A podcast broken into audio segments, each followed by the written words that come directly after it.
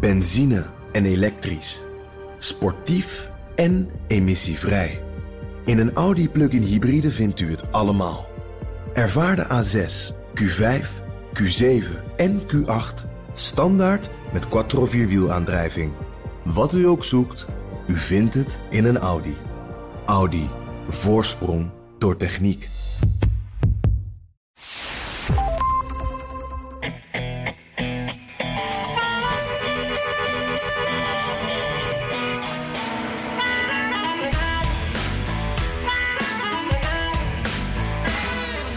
Gelopen demonstratie of een goed georganiseerde maar mislukte poging tot een staatsgreep. Daarover gaan nog steeds de verhoren door de parlementaire commissie die de bestorming van het Capitool op 6 januari vorig jaar onderzoekt. En dan vooral de rol van Donald Trump. Alweer een nieuwe onthulling maakt het voor Trump behoorlijk penibel, want volgens vicevoorzitter Liz Cheney van de commissie heeft Trump geprobeerd een getuige in het onderzoek te beïnvloeden. President Trump tried to call a witness in our investigation, a witness you have not yet seen in these hearings. That person declined to answer or respond to President Trump's call and instead alerted their lawyer to the call. Their lawyer alerted us. And this committee has supplied that information to the Department of Justice. Let me say one more time we will take any effort to influence witness testimony very seriously. Eh, het beïnvloeden van een getuige is een strafbaar feit. En dus is de vraag of de commissie aangifte heeft gedaan. Nou, Liz Cheney zegt wel van wel. En dan of de minister van Justitie ook tot strafvervolging overgaat, weten we nog niet. Binnen de Republikeinse Partij begint de twijfel over Trump te groeien. Steeds meer partijleden willen van hem af. Joe Biden ondergaat hetzelfde lot onder Democraten. Steven we af op een presidentsrace in 2024 met twee nieuwe kandidaten. Nou, dat zou spannend zijn. Dit is aflevering 136 van de Amerika-podcast. Ik ben Bernard Hammelburg vanuit de BNR-studio. Natuurlijk met verse koffie. Ja, en mijn naam is Jan Posma aan eh, de eettafel in Washington. Uh, zoals gewoonlijk. Uh, met de airconditioner op de hoogste stand. En uh, natuurlijk ook een beker gloeiend hete verse koffie. Dus Ja. ik ben er helemaal klaar voor. Ja, in de, de, de bekende Washingtonse hitte. Als, als, Ja, je, nou- als, je, als, je, als je op het asfalt stapt, zak je er dan ook in weg, Jan?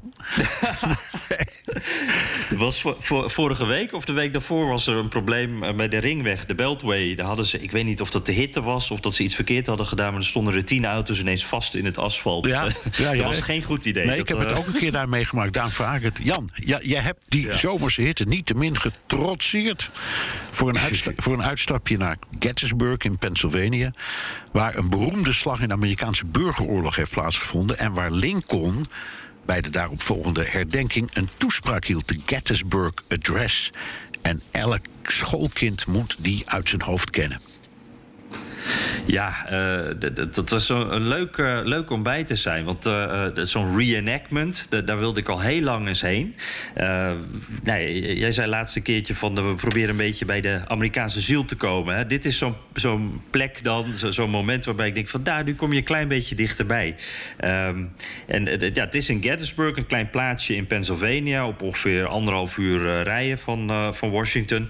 En dat doen ze elk jaar eigenlijk, het weekend voor de 4th of July. Want dan is het eh, eh, weer een jaar verder. Dan is de, de verjaardag zeg maar, van die slag. En honderden mannen en vrouwen, allemaal reenactors... voornamelijk mannen trouwens, die komen daar dan. Eh, die slapen daar in tentjes. doen die slag een paar dagen na in de gloeiende hitte. met paarden, kanonnen, wapens uit die tijd... muziekkorpsen en natuurlijk de uniformen. Het is echt fascinerend om te zien, want de grond trilt als die kan- kanonnen afgaan. Ehm, en ja, ik, ik maakte daar een reportage voor de Telegraaf. Want ik eh, hoorde steeds dat deze evenementen veel populairder zijn geworden. Eigenlijk sinds die zomer van Black Lives Matter en al die protesten. Eh, ook sinds het, het, ja, het beginnen van het neerhalen van, die standbeelden van zuidelijke helden. eh, uit die burgeroorlog. En die Confederate flag die niet meer mag. Want dat is natuurlijk, ja, dat, dat zijn ook symbolen van die zuidelijke staten en ook van slavernij.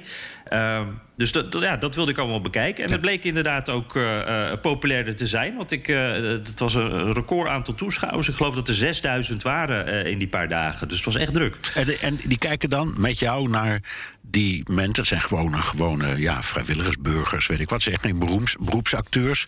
Die, die hijsen zich allemaal in zo'n bloedheet kostuum. Ja. Ehm, waarom doen ze dit? Of laat ik het anders zeggen. Is het populairder op het ogenblik, omdat het gaat over de burgeroorlog, omdat er op het ogenblik ook een soort van burgeroorlogachtige sfeer hangt? Ja, ik, ik denk dat dat. Ja, nou, de, laat, nou, misschien laat ik even een aanloopje daar naartoe nemen. Eerst maar even dat, dat, eh, dat, dat afzien. Want dat is echt, echt zo. Het, het, is dan iets van, uh, het was iets van 33 graden. Hele hoge luchtvochtigheid, dus heel benauwd. Uh, en ik moet zeggen, ik had in mijn korte broek en mijn koude water in mijn rugzak... had ik het echt, echt warm. En die mannen die lopen dus in volle uniformen. Echt met, met allerlei laagjes. met hun, hun, hun geweer of of musket. Ik weet niet wat het in die tijd was, maar in ieder geval met hun wapens lopen ze dan te sjouwen.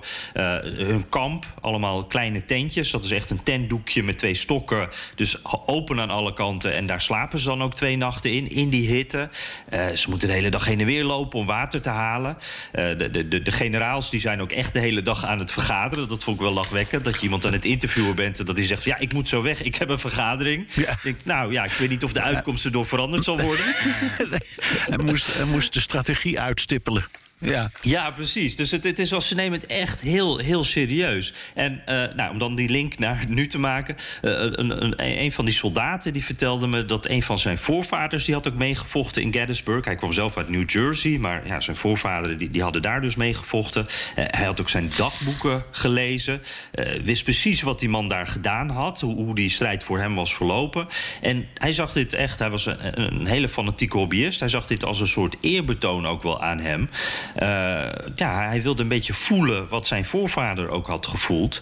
Uh, en, en, maar wat ik dan wel weer grappig vond, hij liep in een grijs Confederate-uniform, dus van de zuidelijke staat, terwijl zijn vader voor de Unie vocht. Uh, en daar kwam dus ook de hobbyist van naar boven. Hij zei van ja, ik heb ook een Unie-uniform, dus ja. zo, zo, belangrijk is dat ook weer niet. Nou, dat... die oorlog is ook verleden tijd. Ja, maar dat vind ik eerlijk gezegd een soort opluchting om te horen. Ze kunnen dus zowel de Zuidelingen als Noordelingen spelen op zo'n moment. Ja, precies. En daar komt het hobbyisme er ook in. Maar dat, die link met het heden, die, is er dus wel. Want ze, voelen ook allemaal... Het zijn eigenlijk... Het is ook, elk persoon die je spreekt... is alsof je met een geschiedenisleraar spreekt. Want ze weten alles. En ze hebben ook altijd gelijk. Ik vond het wel heel uh, vermakelijk. Het was heel leuk om, om met die mensen te praten. En want ze willen allemaal heel graag dat verhaal ook vertellen. En dat verhaal van hoe dat toen is gegaan. En, en waar volgens hun de belangrijke punten in de geschiedenis zijn. Uh, en, en eh, wat me daar ook bij opviel... dat valt me altijd op als het over de burgeroorlog gaat. Ik ben benieuwd hoe jij dat ziet. Maar uh, er zit heel veel uh, romantiek in. Uh, zowel voor de Unie als voor de geconfedereerden. En dan is slavernij bijvoorbeeld nog steeds echt een moeilijk onderwerp. Daar wordt enorm over gediscussieerd. Daar beginnen ze ook over zichzelf over. Ook de Unie-soldaten, die dus historisch gezien tegen die slavernij vochten. en, en ja, dan zeggen ze altijd wel van... ja, maar wij zijn geen racisten. dat is absoluut niet zo. en, en die Confederate flag die is gekaapt ook door racistische groepen wij zijn niet zo. Maar die vlag hoort hier wel thuis, want we zijn een reenactment aan het doen. Daar kan ik me ook in vinden. Uh, maar je merkt ook wel een beetje dat die burgeroorlog nooit helemaal verwerkt is. En dat, dat, komt dan om de zoveel tijd weer naar buiten. En ik heb ook de frictie die we nu zien in de maatschappij... daar heb ik ook wel het gevoel bij dat je op een bepaalde manier daar terug kan gaan... naar die, toch weer die burgeroorlog. Ja, ja. er zitten inderdaad elementen in die erop lijken. Gelukkig uh, niet, nou zeggen, is het, is het allemaal nog binnen de perken, maar het is af en toe inderdaad beklemmend. En, en het, het was ook um, het idee van een groep uh, staten, want dat was die burgeroorlog in het zuiden, maar ze hadden ook in het oosten, noorden of westen kunnen liggen, doet niet zoveel toe. Die zeiden: wij willen ons niet onderwerpen aan het centrale gezag. Dus uh, we, willen niet, uh, dat, we willen niet dat er een hoofdstad is met een federale regering die ook voor ons bepaalt aan welke regels we moeten houden en hoe dat nou precies gaat. Uh, en een van die dingen was slavernij. Maar er waren meer dingen. Ze zeiden, daar gaat, dat gaat gewoon niks aan. Wij, wij, wij, wij, zorgen voor onszelf. En die hebben zich dus afgesplitst. Nou, dat, uh, dat, en dat gevoel van afsplitsing, als je kijkt naar Republikeinen en Democraten op het ogenblik, bijvoorbeeld in het parlement, dan denk ik, ja, dat, het mm -hmm. zit er wel heel dicht tegenaan hoor, vaak. Ja, ja en, en wat jij ook noemt inderdaad, die state rights. Uh, als je dan met, met wat, wat fanatiekere mensen daarover praat... die zeggen dan van ja, maar het ging, ging helemaal niet om slavernij. Het ging om, om state rights. Dat was waarvoor gevochten werd.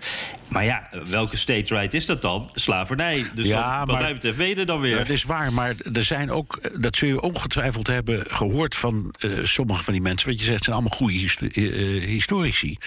Um, het afschaffen van de slavernij door Lincoln in 1863, wat ongeveer op het moment was waarop die, uh, die slag bij Gettysburg zich afspeelde. Um, dat was ook wel een politieke daad, want hij schafte de slavernij officieel af in het noorden. Mm niet in het zuiden, dat kon ook niet, want daar ging hij op dat moment niet over. Dus het was ook lastig. Maar het was wel degelijk een politieke zet, omdat daardoor kreeg je een enorme stroom van uh, zwarte Amerikanen die uh, naar dat vrije gebied wilden in het noorden.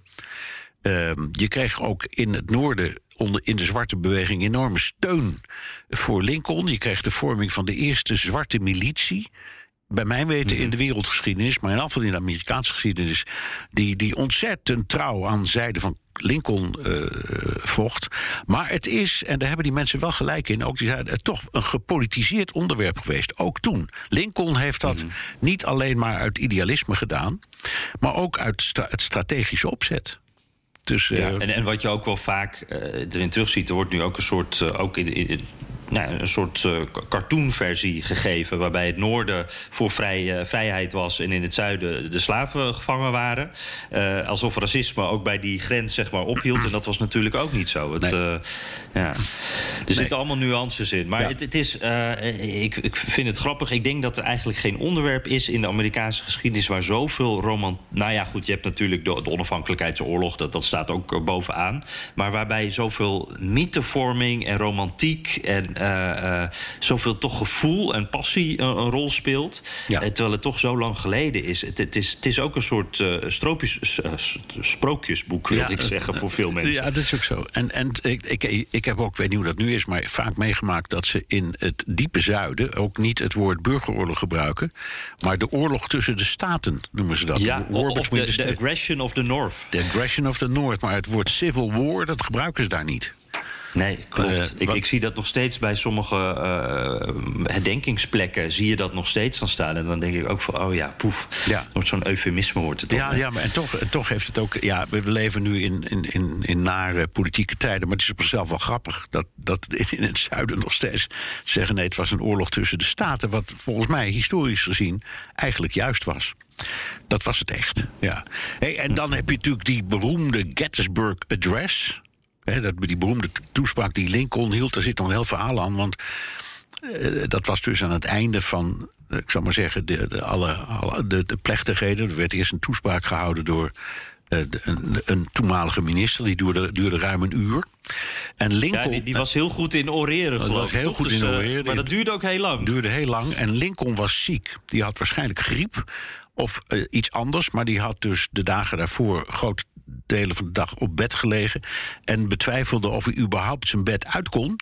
En toen zei zijn omgeving: Nou ja, hou het dan heel kort. Misschien lukt je dat. Dus hij heeft inderdaad een heel korte toespraak gehouden. En dat is pure poëzie, als je het, als je het leest. En, en dat moet elk schoolkind uit zijn hoofd kennen. Uh, en dat begint met een hele mysterieuze regel. En die luidt: Four scores and seven years ago.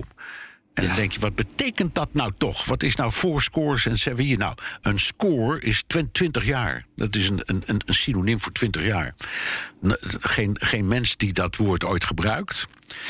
maar, maar dat deed hij toen omdat dat in, ik zal maar gezegd, bijna Shakespeareaanse vorm van, van dichtkunst die hij in die toespraak gebruikte, zo mooi klonk. Mhm. En, en, en het sloeg, als je dat uitrekent, hè, 4 keer, 4 keer 20 en 7, dat is dus 87 jaar. Dus het ging over iets dat 87 jaar geleden daarvoor was gebeurd. En dat was het moment van de onafhankelijkheid. Dus hij refereert in een ik zou maar zeggen, een toespraak die hij houdt aan het einde van een bloedig conflict in het binnenland uh, houdt hij een, een, een, toespraakje om erop te wijzen dat dat hele land, 87 jaar geleden, gezamenlijk onafhankelijk werd. Um, mm. en, en dat volgt dan met prachtige woorden. Onze vaders brachten op dit continent een nieuwe natie voert, gecreëerd in vrijheid en gebaseerd op de uitgangspunten dat alle mensen gelijk zijn geschapen. Prachtige taal. Ja. En, en dat staat ook in de, in de, eh, de Declaration of Independence in, in iets andere eh, vorm. Maar daar refereerde die aan. En daar, eh, toen jij vertelde dat je daarheen gang- ging, heb ik dat, die hele toespraak nog weer eens gelezen. En ik dacht, dat is nu op dit moment wel heel actueel. Als je dat nu Ja. leest, dan zou, Ja. je, zou je sommige Amerikanen wel eens door elkaar willen rammelen. Om te zeggen: Weet je nog waarom dit land is gesticht? En waar, het, waar het voor staat. Want het is wel Ja. erg zoek. Ja, mooi gezegd. Ik, ik moet ook meteen aan, aan wat anders denken. Want eh, in Gettysburg, daar is een, een motel. En die heeft die hele Gettysburg Address... ehm, nou ja, in, in de lengte over het eh, gebouw ge- geschilderd. Dus als je zo Ah. er langs loopt, dan zie je die hele tekst kan je zo lezen. En op het hoekje eh, zat er iemand eh, op het balkon... en die had zijn Confederate flag erboven gehangen. Ja. Daar zit natuurlijk een ironie in. Die, Ja. die heb ik maar niet tegen hem uitgelegd. Maar Nee. ja, dat is een beetje de staat van het land nu ook, hè, eigenlijk. Dat, ja, Je hebt die verzoening nodig, maar Ja. niet iedereen ziet dat. Ja. Nou, mooi. En, eh, nou, maar goed, ik vond het een fantastische plek eh, om te zijn. En ook eh, zo'n reenactment kan ik iedereen aanraden. Het is echt fascinerend als je een beetje van geschiedenis geïnteresseerd bent. Maar het is ook heel leuk om die mensen dus daar een beetje over uit te horen... hoe zij daar tegenaan kijken en hoe, hoe dat hele reenacten in zijn werk gaat. Want het zijn soms echt... nou ja, de, de passie gaat zo ver dat, dat het gekte is. Weet je waar het ook gebeurt? Weet je wat ook gebeurt? Nou. Wa- Waterloo. De slag bij, water, Ah. de slag bij Waterloo. Ja? zeker. En dat slagveld is nog helemaal intact, hè? Dat is eigenlijk Ja. niet veranderd met, eh, met het, aan de ene kant het huisje waar Napoleon heeft gelogeerd. Aan, aan de andere kant het huisje waar Nelson, eh, de Britse bevelhebber, he- heeft gezeten. Ik geloof maar één nacht of zo, het doet er niet toe. Maar dat Ja. is helemaal intact. En daar wordt ook, eh, ik geloof elk jaar of elke zoveel jaar, wordt dat helemaal nagespeeld. Ja, fantastisch. Nou, Ja. dat, eh, dus je ja. hoeft er niet helemaal voor naar Gettysburg. Je kunt ook gewoon eh, het is naar eh, Waterloo. Dat is een steenworp ten zuiden van Brussel. Lekker dichtbij. Nou, goede tip. Dat, ja. ja. Nee, het, is, het zijn mooie dingen. hey, we moeten het maar even terug naar het heden ook, denk ik toch. Hè? Want we, we begonnen met die, Ja. die 6 januari-commissie. Oh, je begint al even te zuchten. Dat, we gaan Nou. naar de verdeeldheid van nu, hè? Ja. Ja. Ja, Eh, het, het, is, eh, ja, het, was weer een opzienbarende zitting van eh, die, die commissie van 6 januari in het Huis eh, van Afgevaardigden. En eh, ja, daar hebben we weer met veel interesse naar zitten kijken. Ja, mag je wel zeggen. Twee dingen die eh, opvielen. In de eerste plaats nieuwe informatie dat Trump wel degelijk van tevoren bezig is geweest met het orchestreren van die dag. Of eigenlijk, als je het zo wil bekijken, het voorbereiden van een opstand. Dus eh, er, kwamen, er kwamen duidelijke aanwijzingen. Ik weet dat ik voorzichtig moet zijn, want het is nog niet bewezen voor een rechtbank, bij wijze van spreken. Maar het waren duidelijke aanwijzingen. Ehm, dat hij wel van inderdaad van tevoren toch eh, een organisator is geweest. En de poging die hij kennelijk heeft gedaan om een getuige uit het onderzoek te beïnvloeden. Daar hoorde je aan het begin al even eh, Liz Cheney over, de, de, de vicevoorzitter van die commissie. Dus dat zijn twee behoorlijk ernstige aantijgingen. Ja, en, en ook waar, waar wel interessante verhalen weer achter zaten. Eh, details eh, die altijd interessant zijn om te horen. Ehm, iets wat al was eh, geschreven door verschillende sites en kranten... maar wat toch eh, goed was om eventjes weer te horen eh, eh, van, de, van de getuigen... eh, via video of, eh, of in de zaal. We hoorden hoe er echt knallende ruzie was... over het in beslag nemen van stemmachines. eh, waar eh, nou ja, de, de wat meer complot georiënteerde mensen eh, rond Trump... die wilden dat heel graag. Eh, de andere mensen die waarschuwden Trump juist dat hij dat niet moest doen. Maar die plannen waren er dus zeker. En ja, die bijeenkomst in het eh, Oval Office in eh, december... eh, dat echt een schreeuwpartij was, was dat. En, en daar hadden we wel eens over gelezen. Ik hoorde dat, dacht, oh ja, dit weten we wel. Maar toen ik het weer hoorde... je vergeet dat soort dingen ook in alle gekte die, die er rond 6 januari was. Maar daar zaten al die complotgekkies eigenlijk bij elkaar. Die, die Mike Lindell, die kussenverkoper... Sidney Sidney Powell, die advocaat... die toen steeds release de, de Kraken riep, hè, het zeemonster. Um, en, en Trump die, die verzamelde eigenlijk die mensen om zich heen... die, die ook tot het uiterste wilden gaan. maar dat werd enorme ruzie ook... tussen de wat serieuzere types en de complottypes. En na die bijeenkomst toen kwam het moment dat Trump een tweet stuurde. kom naar Washington, het wordt wild. En, en dat was uh, een centraal punt eigenlijk in het verhaal van de commissie. Die zegt van ja, dit was een, een soort lokroep van Trump aan allerlei groepen. Om, uh, uh, ja, om, om, om de wapens erbij te pakken, zeg maar. Om richting Washington te gaan. En toen zagen we ook hoe er contacten waren tussen Trumps adviseurs, Roger Stone bijvoorbeeld. Uh, die, die, man die uh, ooit nog de, de, campagne van Nixon en, en allerlei andere. Uh, hoe noemt hij zichzelf ook alweer? De, de soort van Dark Lord of de campaign, zoiets. Ja, ja, ja, dat is de bijnaam die hij zichzelf heeft gegeven. Dark Vader, ja. Ja, precies. Ja. Uh, nou, die, is, uh, die, die, had, die, die, die was te zien met de Proud Boys. En, en uh, je, zag ook hoe er een soort coalitie ontstond tussen Oathkeepers, ook zo'n militie, de Proud Boys en al die andere groepen die eigenlijk normaal gesproken naast elkaar opereren, maar wel een beetje op elkaar lijken. En die, dat kwam allemaal zo'n beetje bij elkaar. En het belangrijkste, ja, wat je noemde inderdaad... Tenminste, ik vond dat het belangrijkste... uit allerlei berichtjes, sms'jes, e-mails... Uh, bleek dat Trump en die, binnenste kring van mensen uh, rond hem... dat hij wel degelijk plande om naar het kapitool te gaan. Dat dat al ver van tevoren bedacht was. En de suggestie uh, werd, werd, vaak gewekt door, door Trump-kringen... dat het een beetje toevallig zo liep. Dat hij spontaan daar op het podium bedacht van... nou ja, we lopen naar het kapitool... en ik bedoelde het allemaal heel vreedzaam en sowieso uh, was het allemaal niet zo gepland. Uh, maar dat klopt dus niet. Uh, er stond een tweet klaar waarin het werd aangekondigd. Nou, die tweet is uiteindelijk niet verstuurd, maar in handen van de commissie. mensen communiceerden erover naar elkaar. Ik vond wel sterk één iemand, een van de organisatoren, die stuurde... ja, Trump die gaat speechen op 6 januari... en gaat ons dan tijdens de speech spontaan, tussen aanhalingstekens... oproepen naar het kapitool te gaan. Maar dit mag ik nog niet delen met de National Park Service en de politie... want die worden dan helemaal gek. Ik dacht, ja, nou ja, daar staat het dus gewoon. Ja, gewoon uh, zwart op wit eigenlijk. Uh, ja. Hoe zit het nou met die beschuldiging waar Liz Cheney het over had... over het beïnvloeden van een getuige die de commissie klaarblijkelijk nog niet... of nog niet in het openbaar heeft gehoord? Ja, ja dat, dat was echt een bommetje. Hè? Want dat, dat kwam aan het eind van die hoorzitting. Ja. En uh, dat deed ze al een keertje eerder. Toen zei ze in algemene zin van mensen proberen uh, onze uh, getuigen te beïnvloeden. en toen liet ze volgens mij ook een mailtje zien of zo. Maar nu noemde ze ze heel specifiek. Uh, ja, Trump heeft geprobeerd een van onze getuigen uh, te bellen. En die getuige heeft niet opgenomen. Nou, wat je in het begin van de podcast hoorde. Uh, NBC zegt nu: het is een medewerker in het Witte Huis. niet een politiek benoemd iemand, maar iemand die in het Witte Huis werkt. wie dat dan precies is, dat weten we nog niet. maar het is wel heel spannend. Want ja, mogelijk is dat een strafbaar feit. Het, het, manipuleren of het beïnvloeden, een poging tot beïnvloeding van een getuige. En wat jij zei inderdaad, de commissie heeft dat doorgegeven aan justitie. Uh, ja, zoals met alles eigenlijk, is het dan de vraag: gaat justitie er wat mee doen? Uh, wat gaan ze dan doen? En uh, ja, maar we weten in ieder geval dat dit wel. Het is een, in al die grote verhalen over 6 januari is dit dan een heel concreet voorbeeld van iets dat Trump doet of heeft gedaan wat eigenlijk niet door de beugel kan. En uh, het deed mij ook, uh, doet mij elke keer aan Watergate uh, denken, Bernard. it's not the crime, but the cover-up. Dat gevoel. Dat, dat, is ook zo, ja. Het ja. is, ja. en ook wel dezelfde vraag, hè? wat wist de president en wanneer wist ja. hij het? Dat is ja, toch, het lijkt er heel erg op. Ja, en, en, en ook stukjes um, informatie die, uh, ja, denk aan die band waar 18 minuten uh, was gewist, waar dus hele belangrijke informatie uh, nou ja, niet op stond.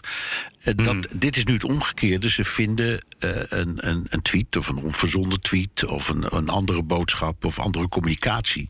En zo ontstaat een totaal beeld. Althans, in, in het oog van de klagers, hè, moeten we wel zeggen. Mm -hmm. dus we, we bekijken nu door de ogen van de beschuldigende kant. Hè? Ja, precies. Dat moeten we ja, wel even ja, bij zeggen. Ja. Ja, en daarom ook de slag om de arm. Uh, wat hier dan mee gebeurt uiteindelijk. Ja, het is aan justitie. En, en, en die commissie kan een aanbeveling uiteindelijk geven. Ja. Of die kunnen dingen uh, stuk voor stuk doorgeven. En nou ja, goed, dat hebben ze in dit geval dus gedaan. ja, maar een beetje een zijpaadje dat ik ons hier zo opleid. Want we, eigenlijk moesten we eventjes naar een hele leuke luisteraarsvraag... die we hierover kregen van Winston Mungra. Ik ben Winston Mungra en ik woon in Blokcel. Ik heb een simpele vraag. 1. Zijn jullie het ermee eens dat de 6 januari-commissie bezig is met het zogenaamde gerechtelijk vooronderzoek om uiteindelijk het dossier over te handigen aan het ministerie van Justitie? En twee, uh, zijn jullie het ermee eens dat het net rond Donald Trump zich langzaam aan sluiten is, mede doordat degenen die redelijk wat weten om hem heen bang zijn om vervolgd te worden. Dank voor de mooie podcast van jullie. En dat was hem. Groetjes. Ja, leuk. Winston had, al, had, had, had, al eens eerder uh, een vraag gesteld, herinner ik me, in de, in de podcast. Dus uh, ja. fijn. Om, Vaste luisteraar. Ja. Nou ja, um, um, wat mij betreft... Uh, wat, en wat me ook een beetje in verwarring houdt, blijft, is dat mm -hmm. we weten of kunnen ervan uitgaan dat de FBI en het ministerie van Justitie allemaal hun eigen onderzoek doen. En dat weten we bijvoorbeeld omdat ze inmiddels iets van bijna 800 verdachten hebben opgespoord die deel hebben genomen aan die bestorming. He, dat is daarmee meteen de grootste strafzaak uit de Amerikaanse geschiedenis. Dus ik denk ja, dan dat steeds. Dat al meer dan 800 Ja, zelfs. misschien meer, ja, maar in ieder geval een mega grote strafzaak. Uh, de, waarvan er zijn, ook al, er zijn ook al mensen veroordeeld. Dus dat loopt. Dus ik denk, ja, dat ministerie en de FBI. Die, die weten dit waarschijnlijk ook wel. En die zullen dit soort feiten ook wel hebben onderzocht. En die zullen ook wel getuigen hebben gehoord. Of dit, zoals uh, uh, Winston vraagt, nu echt kan worden gezien als een juridisch vooronderzoek. Nee, dat is het volgens mij niet. Het is uh, in de democratische opvatting van het Amerikaanse congres zo dat dingen met een hoorzitting kunnen worden onderzocht. Om te kijken hoe het is gelopen. En als dan blijkt dat er strafbare feiten zijn, ja, dan kun je aangifte doen. Maar het is niet, uh, de, de, het is niet een, een, vooronderzoek, want dat doet de FBI zelf. En dat is wat, ja, mij, ja. Dat is wat mij een beetje in verwarring brengt. Want ik denk steeds, Jan, als, als, als er allerlei uh, belastend materiaal is tegen Trump, ja, dan zullen, dan zullen de FBI en het departement dat toch ook onderzoeken. Dat zullen ze toch niet af laten hangen van wat er nu wordt uh, ontdekt door die commissie of alleen door die commissie. Mm -hmm. Ja, ja, en we hebben ook wel gezien dat er uh, hier en daar dingen zijn gebeurd. Uh, er is een huiszoeking geweest uh, bij iemand uit Trump-kringen. Er, er, zijn wel wat, er is wel wat beweging. Maar we weten gewoon niet wat justitie doet. Ik vind het wel interessant wat je zegt. Want je, eigenlijk is dit dus dan zou je dit kunnen zien als een politiek vooronderzoek. En niet een justitieel vooronderzoek. Zo nee, het dan. Ja, dat, dat, dat is het ja. ook. Het is, uh, ja. het, is, uh, ja, het is wat wij in Nederland een parlementaire enquête noemen. En ook daar ja, worden precies. mensen onder, onder ede gehoord. En als blijkt dat ze liegen, dan is dat mijn eed. Dus dat, en dat is strafbaar. En dan, dan komt ook het Openbaar Ministerie in actie. Maar het, belangrijkste doel is het uitzoeken van. Uh, hoe iets. Er, er, komt er nu bijvoorbeeld eentje over uh, het coronabeleid. Nou, er lopen allerlei andere parlementaire onderzoeken. Maar de bedoeling daarvan is niet in de eerste plaats om schuldigen te vinden, maar om uit te pluizen hoe iets nou zo is gegaan. Uh, nou, de, de, de Belastingdienst. dat is ook een prachtig voorbeeld. En daar zijn inmiddels ook. Er lopen aanklachten tegen de Belastingdienst. die mensen daarna hebben gedaan. omdat ze zich benadeeld voelen. Maar het is, het is niet hetzelfde als een politieonderzoek of een rechercheonderzoek. Ja. Ja, en, en nog even over dat net dat zich dan uh, mogelijk sluit rond Trump. Ik, ik heb daar zelf. Uh, ik, denk daar zelf toch steeds over dat, dat er een heel duidelijk verschil is tussen um, een president. Je, je, je kan beoordelen van is hij hier schuldig aan, heeft hij hier een verantwoordelijkheid. Uh, dat probeert deze commissie te laten zien. Maar een president vervolgen, dat is een een veel grotere volgende stap. Waar ook eigenlijk historisch gezien. Uh, daar zijn geen duidelijke uh, voorbeelden van. Als je kijkt naar Nixon, die was weg voordat hij vervolgd werd. Nou ja, nee, die, uh, maar die heeft gratie gekregen. Ja, het was het ja, eerste van, wat zijn opvolger Ford deed, was gratie verlenen aan Nixon. Dat, dat heeft mm. hem uiteindelijk ook zijn eigen politieke carrière gekost, hè, want hij is nooit gekozen. Mm. Um, maar het, ik vond het niet te meer een verstandig moment hoor. Dan, anders was het nou ja, een circusvoorstelling geworden. Ja, en hoe, hoe dat het land ook weer kan verdelen en wat voor onrust dat kan zorgen. En ik denk, nou, ik ben heel benieuwd, maar ik denk dat dat, dat zijn ook dingen die nu meespelen natuurlijk. Als je nu Trump gaat vervolgen, dan wat zijn dan de gevolgen? Wat voor politiek circus wordt dat? En wat voor schade gaat daar ook uh, buiten Trump om allemaal voor justitie, voor de FBI? Dat wordt een enorm, enorm gevecht. Ja. Uh, en, en ja, het is iets heel lastigs, want aan de ene kant kan je zeggen. Um, het kan dus naast elkaar bestaan. Dat is eigenlijk wat ik uh, wil zeggen. Dat deze commissie uh, uh, iets duidelijk maakt over de rol van Trump, de verantwoordelijkheid van Trump. En dat je als buitenstaander kan zeggen: Nou, volgens mij, eh, dit is iemand die hier een hoofdrol in heeft gespeeld. Dus je zou kunnen zeggen: Voor mij is hij schuldig. Maar om dat in, naar justitietermen te vertalen in een vervolging, dat zou zulke grote politieke gevolgen ook weer hebben. Eh, ook voor de positie van het ambt van president. Dat ik me goed voor zou kunnen stellen dat ze daar enorm voor terugdeinzen. Ja. Nou ja, ik weet niet of ik het daarmee eens ben. Dat, politiek wel, maar ik denk dat een onafhankelijke rechter of een onafhankelijke rechtbank zich niet snel zal. Um, niet snel moet ik het zeggen, uh, uh, dit soort politiek verantwoordelijke argumenten zal meenemen.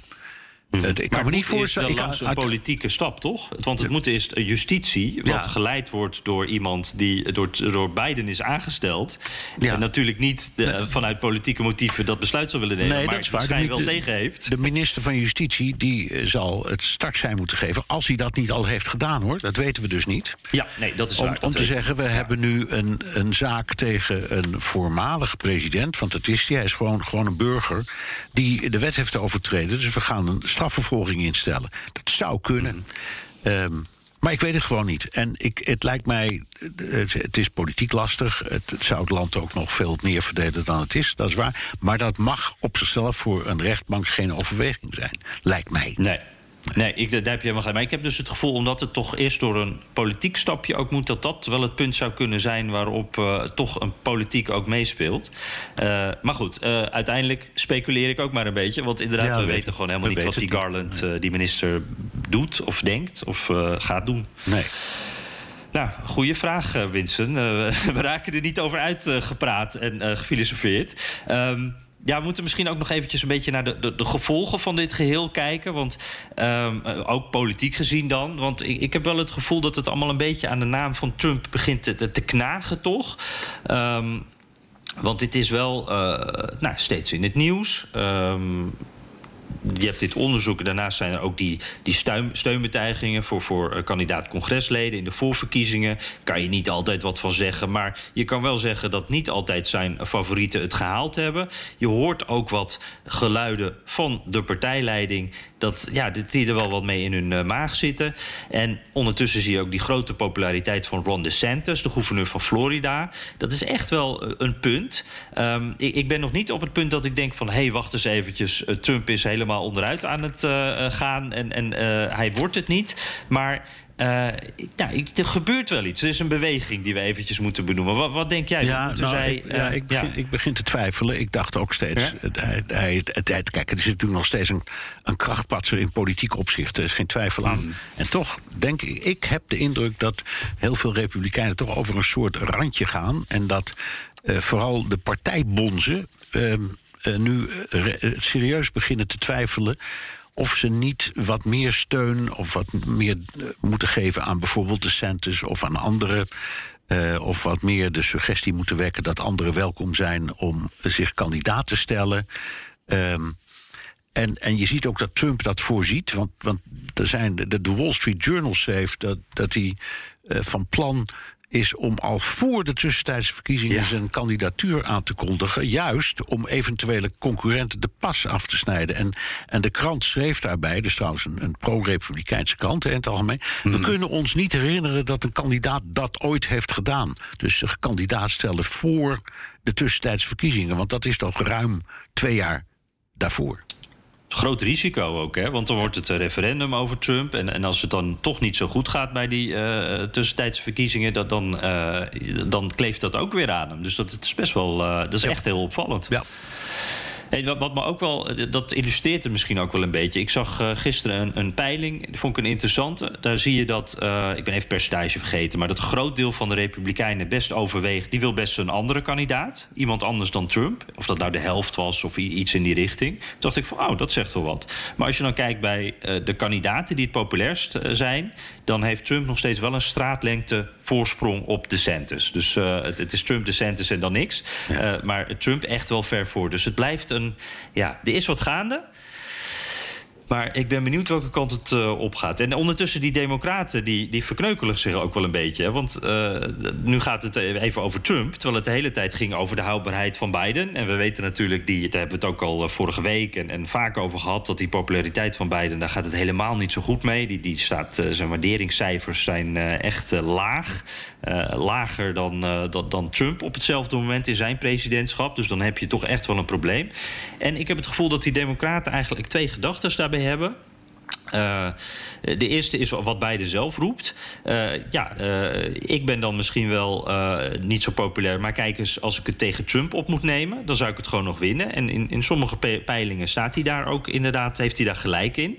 En dan heeft Biden eigenlijk dus hetzelfde argument als uit 2020. Hè, van ik ben degene die het tegen Trump op kan nemen. We zijn niet veel verder gekomen.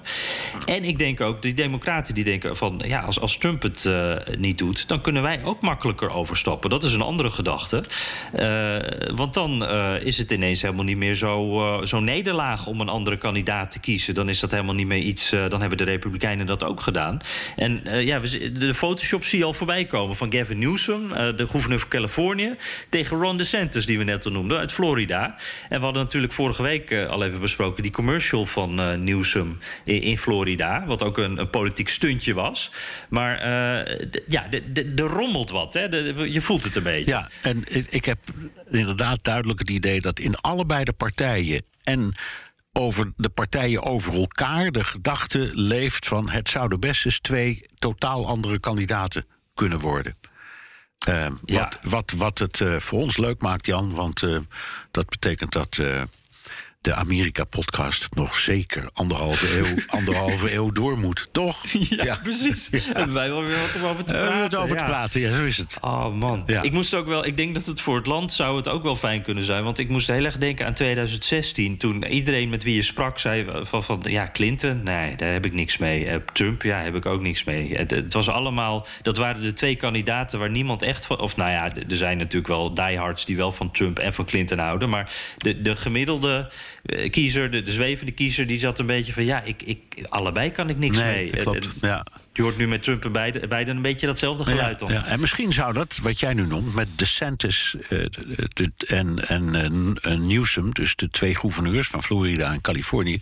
wel ietsje beter zijn. Want dat zijn allebei behoorlijk populaire uh, mannen. Um, hebben, zo, om het zo maar te zeggen, geen belast verleden... van welke aard dan ook...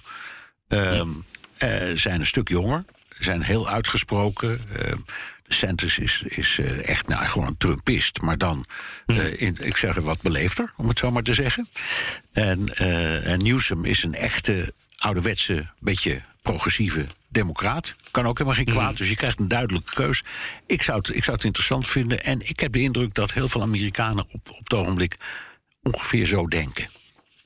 Ik ben heel benieuwd. Het ja. zou het, uh, wat je zei, in ieder geval spannend maken. Ja. Um, ja, we, is, ja. ja. Ik wou zeggen, gaan we naar de luisteraars vragen, Jan? Ja, precies. Ik wilde net hetzelfde zeggen. Ja. ja. Want ik weet niet of Wesley nog wakker is. Daar ja, die knoppen, zit, maar... nou, die zit heel vlijtig te knikken en mee te luisteren. Aan, ongetwijfeld Ah, aan, aantekeningen te maken. En, uh, Ah, heel goed. Daar hebben we nog niet te lang gepraat, gelukkig. Maar Nee. inderdaad, die vragen, daar moeten we toch eens eh, naartoe. Eh, het waren er weer een hoop, dus eh, we doen wat we kunnen. En we beginnen met eh, Barry Vrieling. Eh, die is met complimenten komt. Nou, dat is natuurlijk een garantie. Daar kom je er sowieso in. Ja. Eh, misschien wel als eerste dus. En de vraag van Barry. eh, nu de invloed van de Republikeinen ja, in de blauwe staten steeds groter wordt. Ik, ik, misschien begrijp ik dit verkeerd, maar bedoelt Barry niet de rode staten Ja, juist? dat lijkt maar in ieder geval. Ja. Nou, nou, dat weet ik niet. In ieder geval, nu de invloed van de repu republieken. Ja, de De rep- republikeinen bedoel Ja, ik. Hè? dat in, ik ook. in de blauwe staten steeds groter wordt. Hoe groot achten jullie de kans dat staten als Californië en New York uit de VS zullen stappen? En wat zouden ze daarvoor moeten doen? Nou, dat is amper, amper, een heel simpel voorbeeld. is verboden. Mag niet.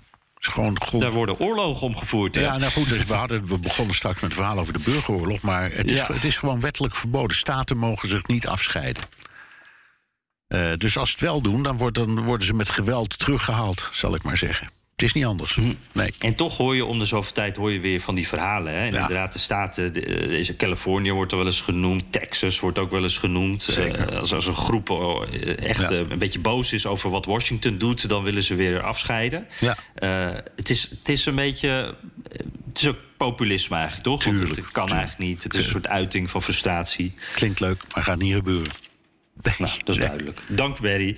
Um, dan hebben we een, een Amerikaanse luisteraar uh, die uh, uh, een reactie heeft op de luisteraarsvraag die we eerder hadden: of de samenleving nu meer verdeeld is dan voorheen. Ja, we hebben het eigenlijk net ook alweer een beetje over gehad. en hij zegt: Trump deed dat zeer zeker, dat verdelen. In 2016 werkte ik voor een Texaans technologiebedrijf in Californië. Van 2012 tot 2016 hadden wij hele goede samenwerking met onze Texaanse collega's. Maar al tijdens de verkiezingen sloeg de sfeer snel om.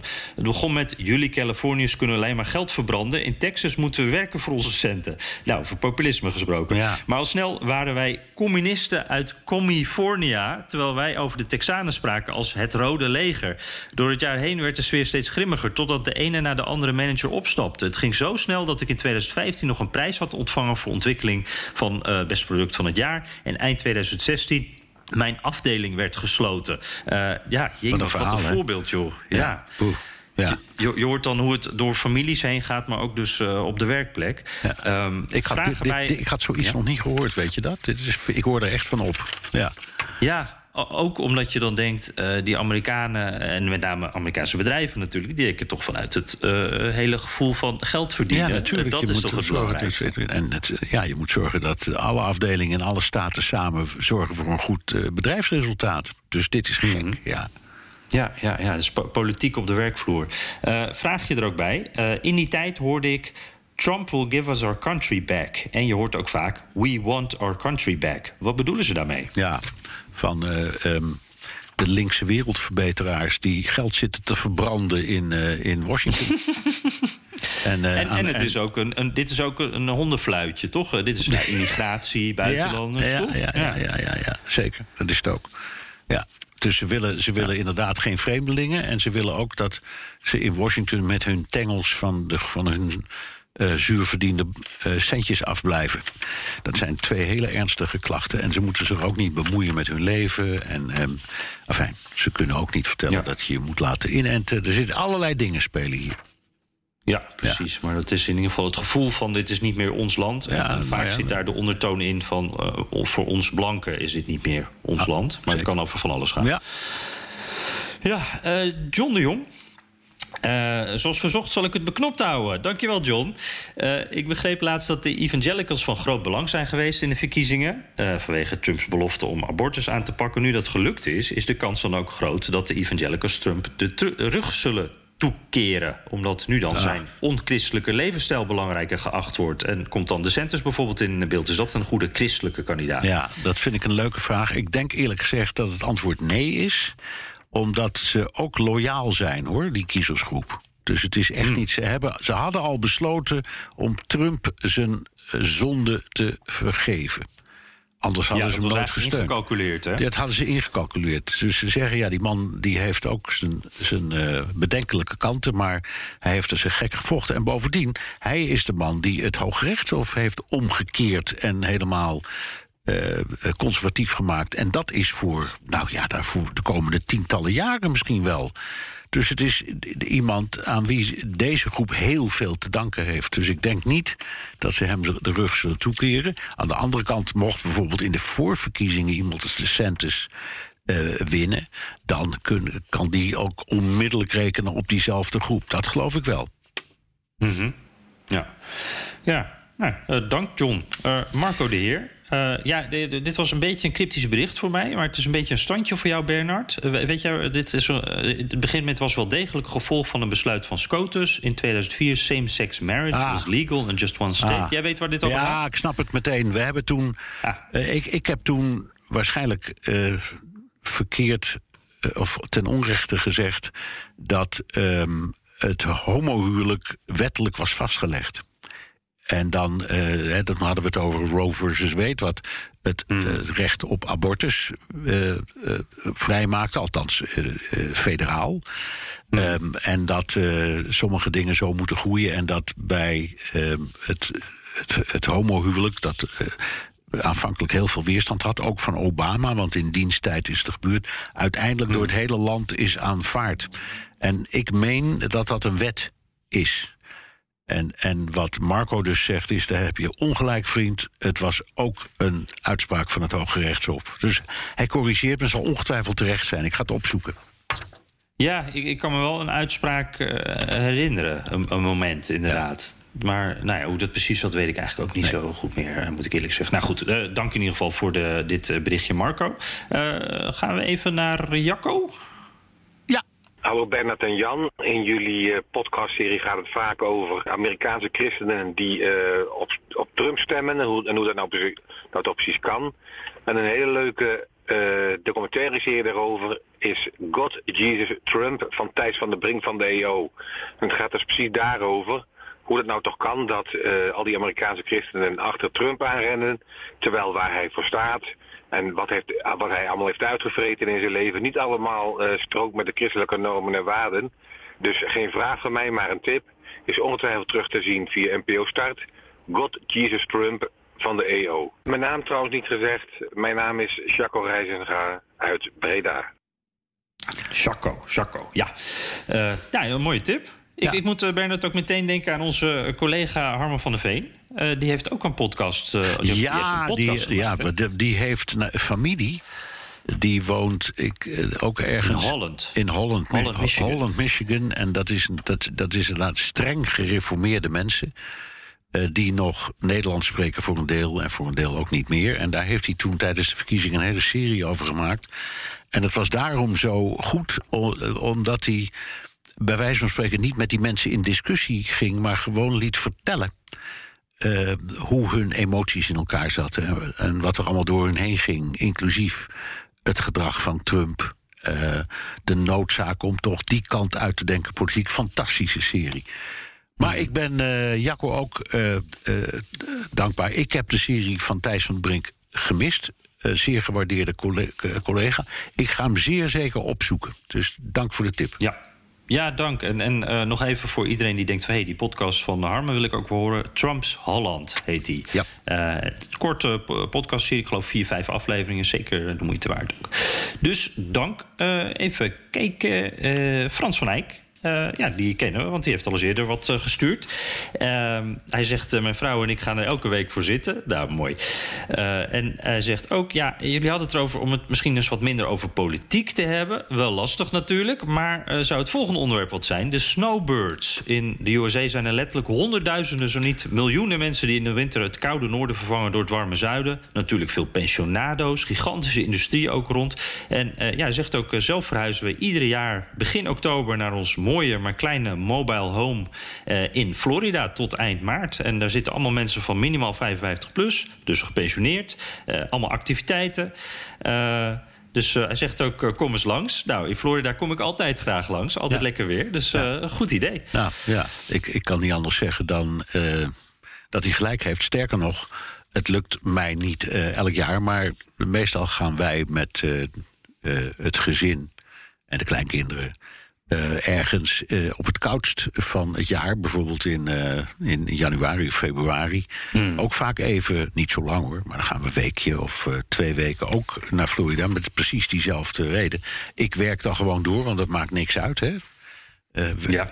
Wesley kan ook mijn geluid opnemen als, hij, als ik in Florida zit, net zoals hij het doet bij jou in Washington. Dus voor Hij is mij, de enige die echt onvervangbaar Hij is onvervangbaar, hij moet hier Behalve blijven misschien zitten. een beetje door Jury. maar- Ja, dat, ja, maar goed, hij moet hier blijven zitten. Maar het is inderdaad, en ik heb in het heel veel van die snowbirds ontmoet. Ik ken er ook een hoop. Eh, ook toen ik, eh, ook vanuit New York City, ik, ik, ik, ook onder de buren en zo, zijn heel veel mensen die dat doen. En het is misschien best eens een keer een leuke eh, reportageachtig podcast waard. Of misschien is het voor jou iets leuks om eens een keer een reportage over te maken. Want er zijn heel veel Nederlanders bij. Ja. En, en hun verhalen zijn vaak heel leuk.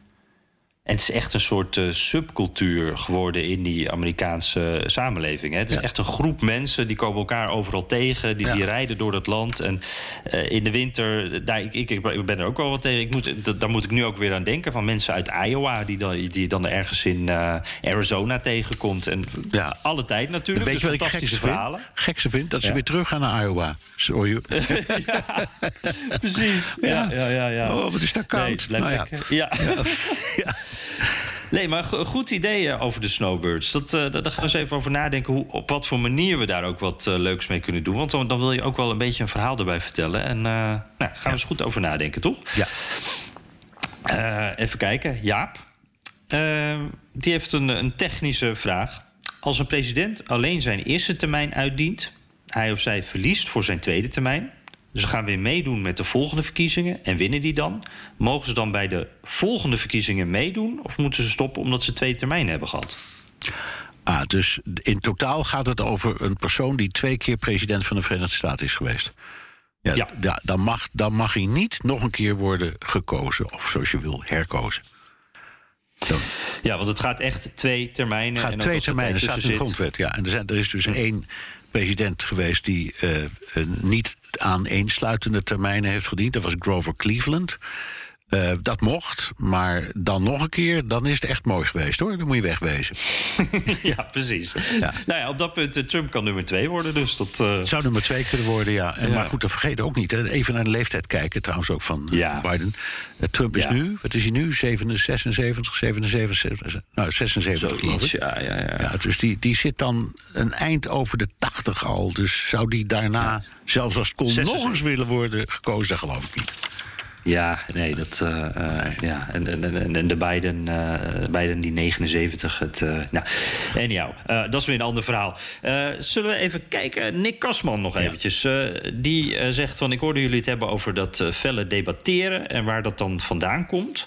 en hij noemt als voorbeeld in 1968 waren de verkiezingen en ABC toen een van de grote zenders. Die hadden een kijkcijferkanon nodig. Wat deden ze? Ze lieten twee tegenpolen debatteren. De conservative William F. Buckley, bekende naam, oprichter van de National Review en presentator van Firing Line. En liberaal-democraat schrijver Gore Vidal, ook een bekende naam. The ja. City and the Pillar and the Best Man. Twee intellectuelen uh, die elkaar haten tot het bot. het resultaat was een verdubbeling van de kijkcijfers op ABC. Het was zo fel dat de een de andere een cryptonatie noemde en de andere dreigde hem op zijn gezicht te slaan op live tv. Uh, ja, iedereen gechoqueerd, maar wel een succesvolle tv-formule. Ja. Verafschuwen jullie dit succesform, deze succesformule van debatteren... die op de dag van vandaag ook toegepast wordt? Of zien jullie deze debatmethode als een goede psychologisch, goed psychologisch ja. oorlogsspel... en een effectief proces? Geweldige vraag. Oeh, um, ja. ja. En ik herinner me niet, niet uh, uit 68, maar wel wat laag, later... Uh, vele op, optredens van Buckley en, uh, en Vidal. Maar eerlijk gezegd, dat was wat je noemt een andere liga. Dat was de eredivisie van het debatteren, deze mannen. En ze konden wel zeggen, ik sla je op je bek. Maar inhoudelijk waren die mensen zo steengoed. En zo, uh, nou ja, dat, dat waren wandelende encyclopedieën. Uh, en, en het tegendeel van populisme, allebei. Dus nee, ik hm. vind, ik vind dat je het niet, uh, niet uh, goed uh, kunt vergelijken, maar ik begrijp het wel. En het was inderdaad een beroemde episode. En Buckley die heeft nog tot, tot bijna tot zijn dood, die is pas in de loop van de denk van de jaren negentig overleden, nog heel veel programma's gedaan op, let op, PBS, hè, de publieke televisie. Mm. Dus in zo, in zo hoog aanzien stond hij. Dus ja. ja. Maar het intellectuele aspect wat hierin zat, dat is iets wat je nu veel minder ziet. Dat, uh, ja, er zat daar meer inhoud in. Zeker, dat ging echt, dat ging echt om de inhoud en om uh, fantastische debaters. Ja. ja. En, en, want uh, Nick die zegt van ik vind dit contraproductief, zoals het op dit moment gedebatteerd wordt op de Amerikaanse tv. ja, ik, ik, ben het er wel mee eens, want je wordt er niks wijzer van uiteindelijk. Hoe zie jij dat? Ik ook. Maar dat komt ook omdat er is geen debat. Uh, nee. Het, als je kijkt op die, op die kabelzenders, dan zie je altijd hetzelfde. Een tafeltje met een presentator en daar zitten, die is rechts. En dan zitten drie rechtse andere gasten en één linkse. Want voor dat, dat is dan netjes. Nou, die, die zijn ze met z'n allen aan het inmaken. En op uh, een linkse zender zie je het omgekeerde. En ik heb er als kijker helemaal 0,0 aan. Nee, en ze herhalen bovendien elkaar en steeds maar hetzelfde verhaal. Dus je, je komt er geen steek verder mee. Terwijl mensen, mensen als, als Vidal en, en, en Buckley, dat waren echt mensen met enorme intellectuele bagage. Daar had je wat aan. En dan kon je de argumenten ook beter tegen elkaar afwegen. Ja, ja, ja. nieuwe inzichten. En, Ja. eh, ja. ja, duidelijk. Ik ga eens even kijken. Ik ben benieuwd of dat op, eh, op YouTube of zo nog ergens te vinden is. Dat eh, klinkt interessant. Ja. Hey, ehm, ik geloof dat we wel een beetje zo aan onze tijd zitten. Mijn koffie is op. Ja. Eh, ik weet niet of Wesley, eh, lacht hij nog? Of eh, zit hij ja, al nee, nee, nee, die- ja, nou, die, nee hoor, die, die, die blijft. Een vrolijke man, zoals je weet. Gelukkig, Ja. groot uithoudingsvermogen. Nou, nee, die zit er nog, maar ehm, Ja, laat, laten we bij, bij deze eh, toch afsluiten. Ehm, dat zeg ik nog eventjes, want we hebben hem eh, deze keer nog eigenlijk niet genoemd. Hè. Wil je ook kans maken op die schitterende Amerika-podcast Mok van eh, Erik Kolen? Zet dan je adres bij je vraag. Dan maak je ook kans aan het eind van deze maand. Ja. En, dan, want dan gaan we er weer eentje uit, uitdelen. ja, de vorige heb ik net, ben even vergeten, maar dat was een hele leuke. Die heb, ik heb net met de, eh, de, Oh, daar wilde ik je nog naar vragen. Maar Ja. die is eh, in, in het doosje gedaan, zeg maar, met daar, de gaat, daar, gaat, daar gaat onze Emma over bij eh, BNR. En die heeft hem keurig verstuurd. Dus Ah, wat. Even- Ja, was dat nou de, de Indianenvraag? Of Ja. was dat... eh, nee, ik weet het ook Ja, niet dat meer. was het hem, was ja. in ieder geval een leuke. Ja. Terugluisteren kan via de BNR-site, Apple Podcast of Spotify. Heb je vragen, opmerkingen, kritiek of complimenten... kan dat ook met een tweet naar Jan USA of BNR De Wereld... of heel ouderwets met een mailtje naar dewereld.bnr.nl. En je kunt je vragen ook inspreken of intikken op de Amerika-podcast WhatsApp 0628 135020. Welk platform je ook kiest, kiest, zet dus behalve je naam ook je adres in de tekst. Ja, want dan eh, kunnen we die mok, eh, dan kunnen Emma en Bernard eh, ko- einde van de maand eh, weer een nieuwe eh, in het doosje stoppen. En dan komt hij misschien wel naar jou toe. Eh, nou, dank in ieder geval weer voor het luisteren. En Bernard, eh, eh, ik zie jou in ieder geval volgende week weer. Wij spreken elkaar volgende week. Dag Jan. Tot volgende week. Hey, en Wesley, laat die eindtune maar opkomen.